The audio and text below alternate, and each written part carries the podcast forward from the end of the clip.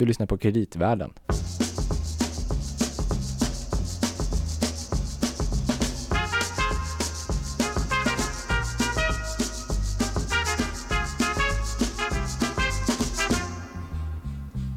Och då fortsätter vi alltså vår färd på kreditmarknaden och vi har ändå kommit en liten bit nu. Vi är ändå eh, i nutid, vi har gjort vår historiska eh, odyssé över vad som har hänt de, fram till nu. Eh, vi har tittat lite grann på, det finns väldigt olika typer av bolag som lånar pengar och man kan få väldigt olika räntor om man lånar ut pengar till de här olika bolagen. Just det. Eh, men vi lovade ju i slutet av förra avsnittet att vi skulle ju faktiskt gå in lite mer detalj på vad som kan hända med ett av de här ändå högst, de bolag med högst så här, sånt här kreditbetyg. Ett trippel A-företag. Just det, för vi sa ju också att den största risken om man köper en sån här företagsobligation är ju kreditrisken. Ja. Och Alltså risken att man inte får tillbaka sina pengar. Exakt. Och då kan man tänka sig då att då, då köper man bara sånt med de allra bästa kreditbetygen. Men eh, vad vi kommer att se är att det är väldigt farligt att bara titta i backspegeln. Och på tal om backspegeln så har vi då tagit ett exempel från eh, bilindustrin. Och det här bolaget som vi tänker på är General Motors. Mm. Eller Generous Motors som de kallades. GM, GM, precis. en riktig koloss. Eh, faktiskt ett av världens största företag. Ja. som fick otroliga problem. Fick gå igenom en rekonstruktion under Chapter 11. Ja. Men Men- finns kvar idag. Men de gick alltså egentligen hela vägen då från AAA till konkurs kan man säga. Jajamensan. Ja. De hade ett kreditbetyg i AAA på 70-talet. Jag tror in på en början på 80-talet också faktiskt. Men nu eh, går vi händelserna i förväg. Vad, ska vi börja från början? Vad, hur började det egentligen historien om GM Louis? Lite kort historik. GM grundades 1908 uh, i Flint, Michigan. Och då hade man först märket Buick.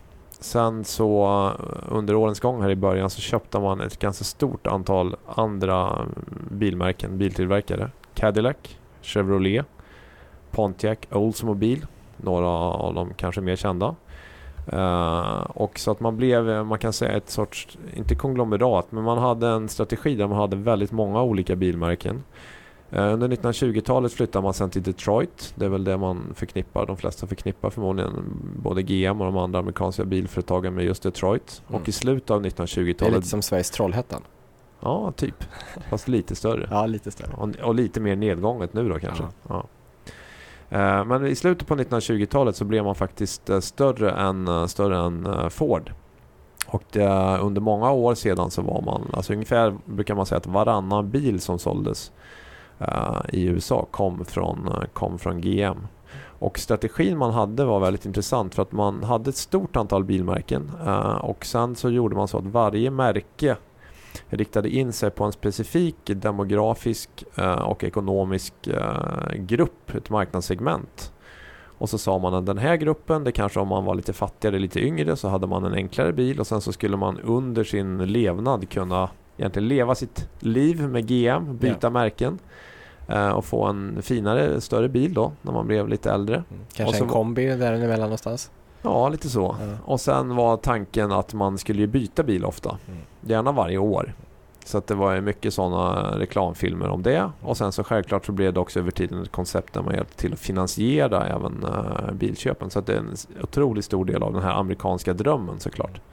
Och vi kan väl lyssna bara på ett, eh, en, en dokumentär, vad man ska kalla det för, från 1937. Mm. En Som helt objektiv Som dokumentär. handlar om eh, en dag i bilarbetarnas liv. Mm. Från gryning till kväll. A day of work, a day of fulfillment, of happiness, and of peace merges into the assurance of a fuller life in the great American way. Så här hör vi ju hur eh, otroligt intimt förknippad eh, bilbranschen i USA är med den egentligen med amerikanska drömmen då. Mm. Så att det här eh, till att börja med så såg det ju väldigt bra ut. Men sen eh, problemet blev ju att man drog på sig egentligen eh, högre och högre kostnader. Mm. Man hade starka fackföreningar och man ville såklart vara generös mot dem. Så villkoren för arbetarna förbättrades successivt. Det var ju ändå de som var konsumenterna också. Ja, exakt och det fanns eh, alla möjliga avtal här på att säga. Men eh, ett exempel var till exempel att jag vet att man införde efter ett tag eh, att om man hade jobbat 30 år inom bolaget så skulle man sen kunna gå i pension. Och det är klart att sådana där saker blev ju naturligtvis väldigt dyra och då under årens gång när de här arbetarna blev äldre så blev det ju så att bolaget fick enorma kostnader för pensionsvillkor eh, och även för att så, ta hand om hälsan och, och sjukförsäkringar till sina, till sina anställda. Och sen så samtidigt då kom, kom japanerna. Ehm, du kan ju lite japanska, Gabriel. Du, du menar Kaizen? Exakt, mm. de kom med det här konceptet eh, produktionstillverkning då att de var, de var bättre, de var snabbare, de var mer pålitliga. Man fick mycket kvalitetsproblem med de amerikanska bilarna. Man fick dålig publicitet och sen då när man försökte säga att nu måste vi skära kostnaderna, vad gjorde man då? Jo, man slog ihop produktionsplattformarna. Eh, spara kanske kostnader förvisso men samtidigt gjorde det att bilarna blev mer lika varandra. Mm. Så att om man hade alla de här 30-40 eh, märkena eh, och konsumenten hade svårt att se någon skillnad mm. så blev det egentligen, det, det började bli väldigt spretigt och ofokuserat. behövde man inte byta bil en gång om året heller? Nej exakt. Och varför skulle man betala mer för den dyrare om det ändå var samma motor så att säga. Uh, så att man fick väldigt mycket problem. Uh, så att egentligen hade man problem redan alltså i början på 90-talet. Då gjorde GM till exempel då ett nytt rekord på förluster som hade ett negativt resultat på över 23 miljarder dollar. Oj. Det är li nästan lika mycket då som svenska kreditmarknaden är idag. Om vi ska tänka ja exakt, alltså det, när man tittar på allting i, man pratar om det här bolaget, det är så stora siffror då för det är så enormt stort mm. bolag då. Men så att egentligen redan där så skulle de här äh, amerikanska biltillverkarna ha kunnat gå i putten om man säger så. Men sen så kom ju det här med, du kommer ihåg de här SUVarna som man pratade om, ja. Sport Utility Vehicles. Jag tycker man pratar lite väl mycket om dem fortfarande. Ja tyvärr. Men äh, då så blev det i alla fall så att bensinpriserna föll. De hade ju varit höga där en period och så en lång högkonjunktur i USA. Då kunde de här bolagen återhämta sig. Men de behövde inte göra några omfattande förändringar av sin, bransch, sin modell? De, de, borde väl ha gjort det, ja. men gjorde för lite. Så att uh, år 2000 så nådde GMs aktie sin, uh, sin topp top mm. där då. Men ja, så det här suvarna hjälpte till. Men egentligen så var det så att underliggande så fortsatte de att tappa marknadsandelar. Och då 2006 då hade GM en marknadsandel som var hälften än vad det var under den här topp, uh, toppperioden. Då. Mm. Och då försökte man mer och mer för att man behövde ju hålla uppe volymerna eftersom man hade de här otroligt stora fasta kostnaderna. Så att vad man gjorde var egentligen man gjorde förvärv. Köpte ju bland annat Saab mm. uh, under den perioden. Man gav väldigt sub uh, höga subventioner för att köpa nya bilar. Det kostade otroligt uh, Alltså till konsumenterna? Pengar.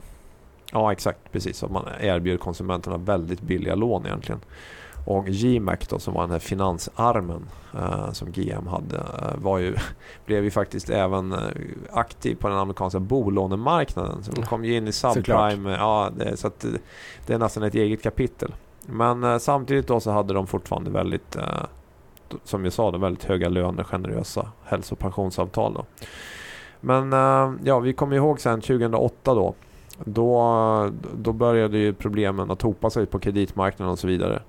Och då kan man säga att när den här krisen kom och när... Eh, för att bolaget skyllde på att nu viker marknaden och folk köper mindre saker här. Men i själva verket var det ju så också att man var otroligt dåligt rustad när den här tuffa tiderna kom. För att man i ledningen hade ju inte alls tagit itu med alla de här problemen. Nej, och hade kanske inte heller gjort en risk, riskbedömning om vad som kunde, hur illa det kunde bli. Nej, exakt. För att redan 2005 så var det faktiskt så att eh, de här ratinginstituten de pratade om att de hade AAA, det höga betyder mm. på 70-talet. Det hade fallit successivt. Så att 2005 då åkte man under och kom ner i det här som man brukar kalla för high yield. Mm. Det här lite mer högrisksegmentet av marknaden. Så redan där indikerades ju att risken började öka. Sen så accentuerades ju så här såklart. Då. Men så man hade problem det här som vi sa, väldigt ofokuserad verksamhet höga kostnader, stor byråkrati. Man hade alldeles för många återförsäljare ja, och det hade man inte heller tagit itu med. Och sen enormt dålig finansiell planering och någon sorts, någon sorts bristande verklighetsförankring. Uh, och sen uh, som sagt, man, fick, uh, man hade en finansdel där som var väldigt beroende av kapitalmarknaden, den här GMAC. Mm. och när då efter Lehman så blev, var det ju så att den här kapitalmarknaden i princip avstannade. Så att eh, de här bolagen som GMAC kunde inte få några lån och då var ju krisen alltså helt akut för att dessutom då så kan man säga att man brände pengar i, alltså man gick med löpande underskott i verksamheten också, enorma så, underskott. Så likt de stora bankerna som man var så rädd för så hade de också en typ av likviditetskris kan man säga? Exakt, och det här gjorde då att um, man såg inte hur man skulle ta sig ur det här och vad man bestämde då var att ledningen i GM då tillsammans med ledningen i Ford och Chrysler, då sa man nu vänder vi oss till den amerikanska regeringen. Mm. Vi, vi kommer att behöva stöd. Och eh, då kanske vi ska lyssna lite grann på när man eh, kom till kongressen här. Vad ska man komma ihåg? Det är också precis i, eh, i ett eh, precis i valperiod i USA. Där, Just det, inför presidentvalet. Bushs sista månader. Just det, så det, och, och, vi har samma med Lehman. Stor så det är en väldigt spänning. dramatisk mm. uh, skede. Och ja. här blir de ju hårt pressade. Vi lyssnar lite grann här. You tell me when will General Motors run out of money relatively in the near future, and what amount of, amount of money would you need now to prevent that insolvency, so that we can take the three months necessary to really go into the depth of what conditions and how this agreement or this bridge loan should be made? Uh, uh, I, I, don't believe. Um, Congressman, that we have the luxury of a lot of time. And, and if I could yeah, but you, why? Tell me what, when are you going to run out of money? Um, I can't tell you that for certain because a lot depends on the people that whether our suppliers will continue to ship us with that advantage. You, you ha- have to, accounting wise, you have to be tell us if everybody acted against your best interest, there's a time you can't meet your conditions. Somebody has yeah, had to, has briefed you on that, Mr. Wagner. Yeah, our, our, the, the needs are urgent. If everybody who, who needed who lent money to the industry suppliers ask it to be paid off tomorrow, it would be a tremendous uh, run on the financial position for all of us. Så, och, här, här hör man också en del av den verklighetsförankring, eller brist på verklighetsförankring som du nämnde. Ja, jag tänkte säga det lite kuriosa, det är kanske någon som kommer ihåg det, men till det första mötet som man skulle ha då i Washington, då kom ju de här tre VDarna från de här tre bolagen i varsitt private jet inflygande. Och det här uppmärksammades ju av eh, journalister och det såg ju inte snyggt ut alltså. Mm. Så jag, tror att det här vi lyssnar på nu är från det andra förhöret och då har de fått krypa till korset och då kom de ju åkande i bilar från sina respektive då, eh, företag. Så att, eh, men det som är nästan fascinerande det är ju faktiskt att, och det tycker jag nästan man hör här också, att man hade alltså inte en plan ens i det här läget Eh, på GMs ledning hur, om man skulle behöva gå in i en Chapter 11, göra någon rekonstruktion, hur skulle det gå till? Det fanns alltså vad jag förstår ingen plan. Eh, och många trodde även att det skulle vara omöjligt att låta GM gå in i en sån här rekonstruktion. För att om man skulle göra det, sa man, då kommer amerikanska konsumenter aldrig att köpa en bil. Eh, ett bolag som befinner sig i någon sorts sån rekonstruktion. Mm. Uh, så många bolag sa det, det är helt omöjligt, de här är för stora, de, de måste bli räddade. Det tror jag så man tänkte också. Nu, dessutom så visste man, nu kommer ju Obama. Han är ju vän av bilindustrin, bilfacken har ställt upp i valkampanjen. Han kommer säkert att ställa upp med nya lån här. Kommer från the Midwest och så vidare. Exakt, exakt.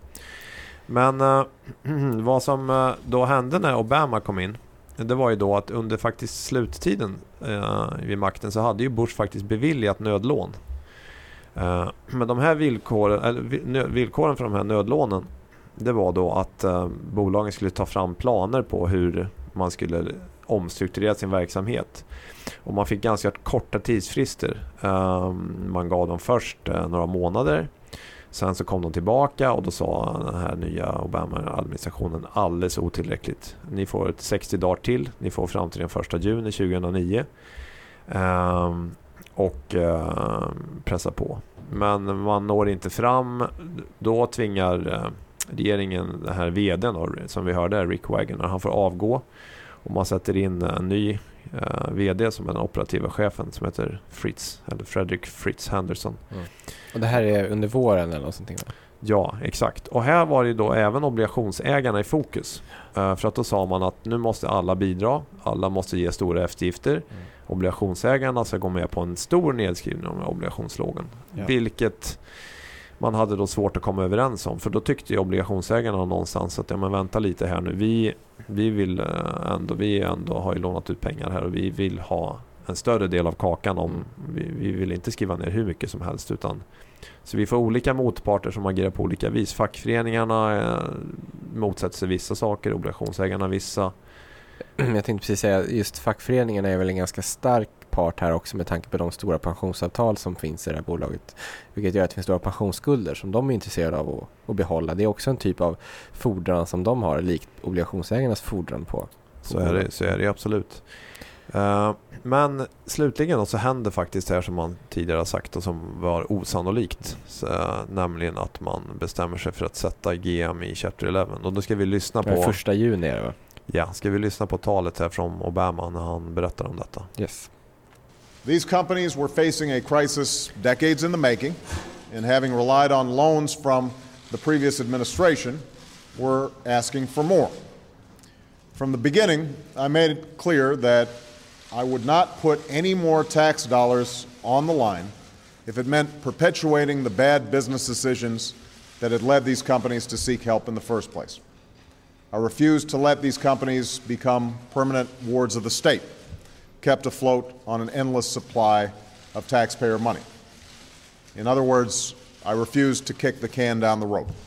Ja, så ni hör här vad som sker och det som är, om man sätter det här i lite perspektiv så kan man säga att då när man gjorde den här Chapter 11 så var det alltså ett bolag som hade nästan 100 miljarder dollar i tillgångar. De hade 240 000 anställda i 140 länder. Och det var alltså det näst största industriföretaget i USA efter GE. Och det var större än alla amerikanska flygbolag tillsammans som gått i konkurs de tidigare 15 åren. Så att uh, helt enormt. Nu låter ju Obama väldigt tuff här men man ska ju komma ihåg att den amerikanska staten vid det här laget hade ju lagt in ganska mycket pengar i GM, eller hur? Så var det ju. Så att man hade ju, jag tror att när man summerar ihop allting tillsammans så vill jag minnas att vi pratar om 80 miljarder eller någonting i den ja. dollar i storlek, alltså till hela, hela bilindustrin då. Och en, den största delen, alltså GM bara enbart, var 50 miljarder dollar. Mm. Så det är ju självklart så, man stoppar in enormt mycket pengar. Men det som var intressant var att man hade en väldigt kompetent administration eh, inom regeringen eh, där man hade plockat in experter från finansindustrin som hade gjort sådana här rekonstruktioner. Och man började nu ställa de här väldigt hårda kraven som ledningen mycket tidigare borde tagit tur med. Så att bland annat handlar det om att eh, återförsäljarna skulle minskas radikalt. Man gjorde om avtalen med de anställda fackföreningarna mm. väldigt, väldigt mycket. Alltså man fick eh, lägre löner, man fick lägre pension och så vidare.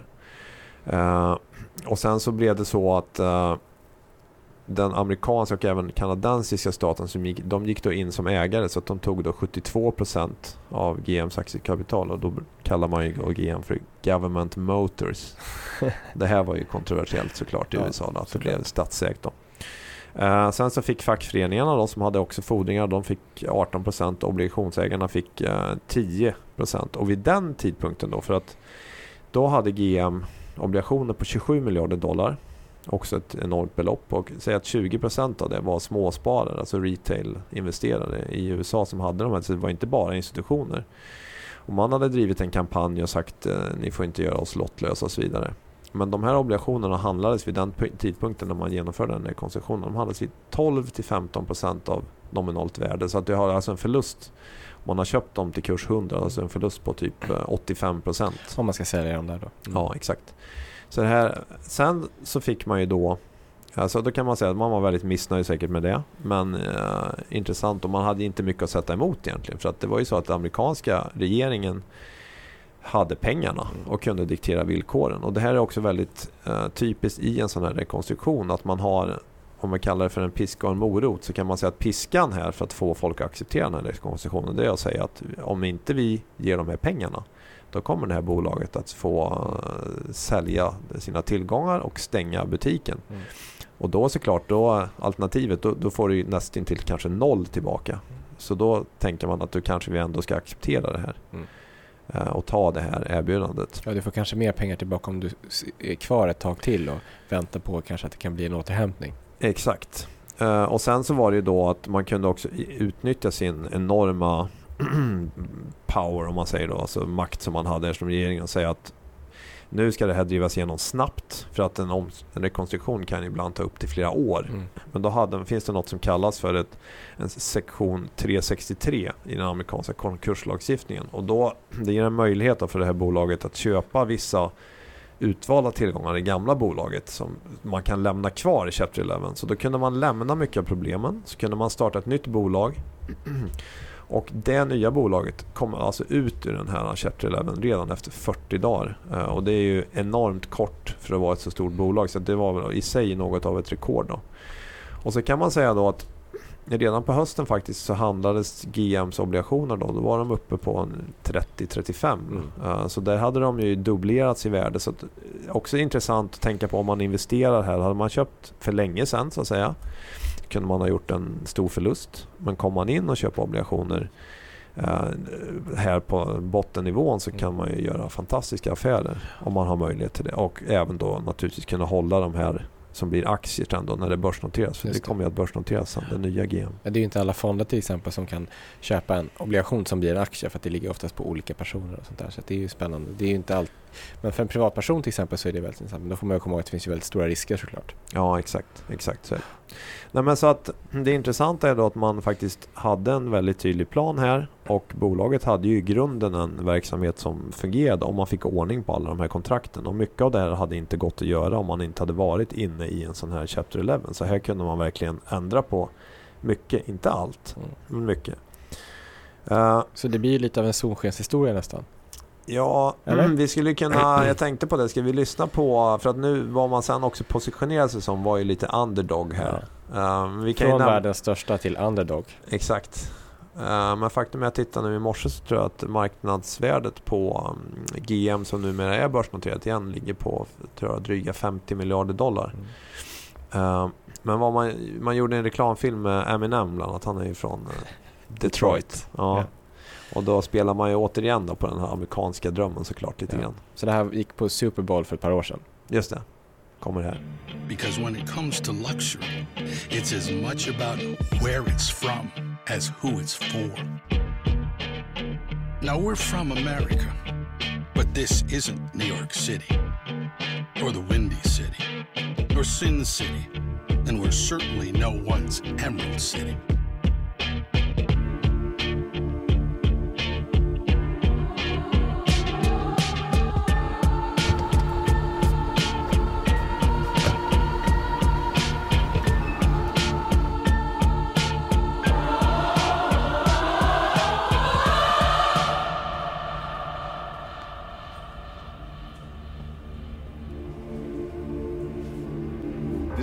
City. This is what we do. Så det var ju rätt amerikanskt. Skulle du köpa en sån här bil då efter du har hört det Gabriel? Eller? Jag köper allt som Eminem köper. Det jag, har köper, jag, jag köper bara hybrider. Så att ja, jag får vänta tills det kommer någon riktig ladd, laddbil där. Får se. Nej men så att, men de börsnoterades ju då. Ja för... exakt, precis. Jag tittar kreditbetygen är ju inte, de har inte kommit upp på de här höga nivåerna än men de är väl uh, dubbel B. Ja. Om man ska förklara dubbel B så är det någonstans övre spannet av den här mer riskfyllda delen av Ja, exakt. exakt. Uh, men, så det, är lite av en, det är lite av en återhämtningssaga ändå, även om det kanske inte är en solskenshistoria. Jo, och det som är intressant är väl också att det visar på faktiskt styrkan här. Man brukar säga att amerikanska konkurslagstiftningen är verkligen gjord för att man ska en konkurs, eller vad man ska säga, då ska inte vara slutet utan man ska få en ny chans. Och eh, man har liksom riggat lite grann systemet för att vara på det viset och det visar väl det här på att man, man verkligen kunde göra det. Sen såklart att det är lättare för ett så pass stort bolag och har regeringen bakom sig och så vidare. Men några intressanta lärdomar här är ju dels även väldigt stora företag som man kan tycka ser så otroligt stabila och bra ut kan gå omkull. Mm. Och det kan bli stora förluster för obligationsägare. Mm. Men sen kan man väl också... Jo men en annan eh, sak att eh, ta lärdom av är ju hur det går till i en sån här omstrukturering vad gäller prioritetsordningen eller turordningen mellan olika fordringsägare. Och även om många av obligationsägarna då blev missnöjda, vi pratade om vad, hur lite de fick tillbaka, så ska man ju också tänka på att aktieägarna här, de fick ju ingenting. Noll? Noll alltså. Ja. Så de blev ju helt utraderade. Mm. Och det är typiskt så som det ser ut i en omstrukturering. Så kan ibland aktieägarna få lite grann, men oftast är det en väldigt liten del. Så att mm. obligationsägarna blir ju, står ju då så att säga högre i, i rang här då. Ja, men inte lika högt som staten i detta fallet.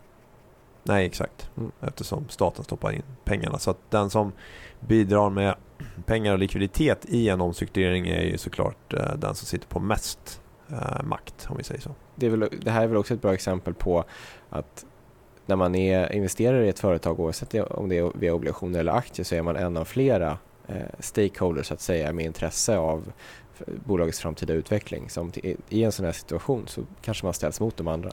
Exakt, och då ska man tänka på om man kanske har vissa kontraktuella rättigheter men sen kommer det i det här fallet till exempel in politiska avväganden. Mm. Så att här kan man säga, då sa kanske obligationsägarna varför får vi mindre än de anställda? Och då var svaret ungefär att ja, vi behöver de anställda för att bygga bilar, vi behöver inte er. Och lite så krasst blir det ju. Och det kan man väl tycka på sätt och vis är, det finns någon sorts rimlighet i det också. Uh, men äh, även intressant är att staten var inblandad här och, men trots allt så blev det stora förluster för obligationsägarna. Så det är ju inte så att man kan säga så här, man brukar prata om det too big to fail. Mm. Men uh, det begreppet liksom att man inte kan fallera eller gå omkull för att man är stor. Däremot kanske man ska säga att man är too big not to be restructured. Alltså det finns ju stort incitament att försöka få verksamheten att leva vidare. Men att verksamheten lever vidare behöver ju inte innebära att alla obligationer eller alla obligationsinvesterare får full ersättning. Om vi säger så. Och det är väl en, en lärdom. Och just det här att man trodde inte att det här skulle kunna gå in i Chapter 11 men det gick ju mm. faktiskt och det blev inte slutet. Och jag tror att om man tänker på konsumentsbeteende så kanske man är mindre orolig för att köpa när man ser att nu sker det någonting, en rekonstruktion uh, och jag känner mig att nu kanske det här kommer att klara sig än att man ser ett bolag som bara bränner kassa och uh, ja, man vet inte alls vad som kommer att hända egentligen. Säg det till alla som köpte Saab-bilar 2009. Ja, nej det är sant. Sen är det ju också så att det var väl också det som var en grej som man pushade på att det skulle gå snabbt. Så hade man varit kvar flera år i den här situationen så självklart hade det blivit eh, mycket, mycket större problem då. En annan lärdom är väl att, eh, eller någonting man kan fundera på efter det här är väl också eh, det här med ratings. Om det här bolaget ändå var någonting som hade AAA, ska inte det hålla för alltid? Hur jobbar egentligen de här ratinginstituten? Ja, det där är ju en, faktiskt en mycket intressant fråga du tar upp här. Ja. Och jag tycker nästan den är så intressant så att vi skulle kanske ta och ägna nästa avsnitt av den här uh, podden om att prata om ratinginstituten, vad de gör, mm. vad de inte gör, mm. vad de gör rätt, vad de kanske gör de något fel då. Mm. Vi kan väl se. Ja. ja. Vi, vi ska fundera vi... på det till nästa gång. Ja, så att eh, om, ni har, om ni har någon input kring vad ratinginstituten gör rätt och fel så får ni gärna höra av er till oss så ska vi se om vi kan reda ut det. Eh, vi finns alltså på brev kreditvärden.se. Eh, tack så mycket för att ni lyssnade denna gång. Eh, vi hoppas att ni har lärt er åtminstone tyckt det varit intressant det här om GM och vad som kan hända ett stort bolag som inte lyckas omställa om sig. Det är helt otroligt eh, exempel. Ja. Vilken tur att man har en Toyota. Ja. Loe, nu får du köra hem med din Toyota eh, så får alla lyssnare lyssna igen om ett par veckor. Vi hörs då. Ja, hej.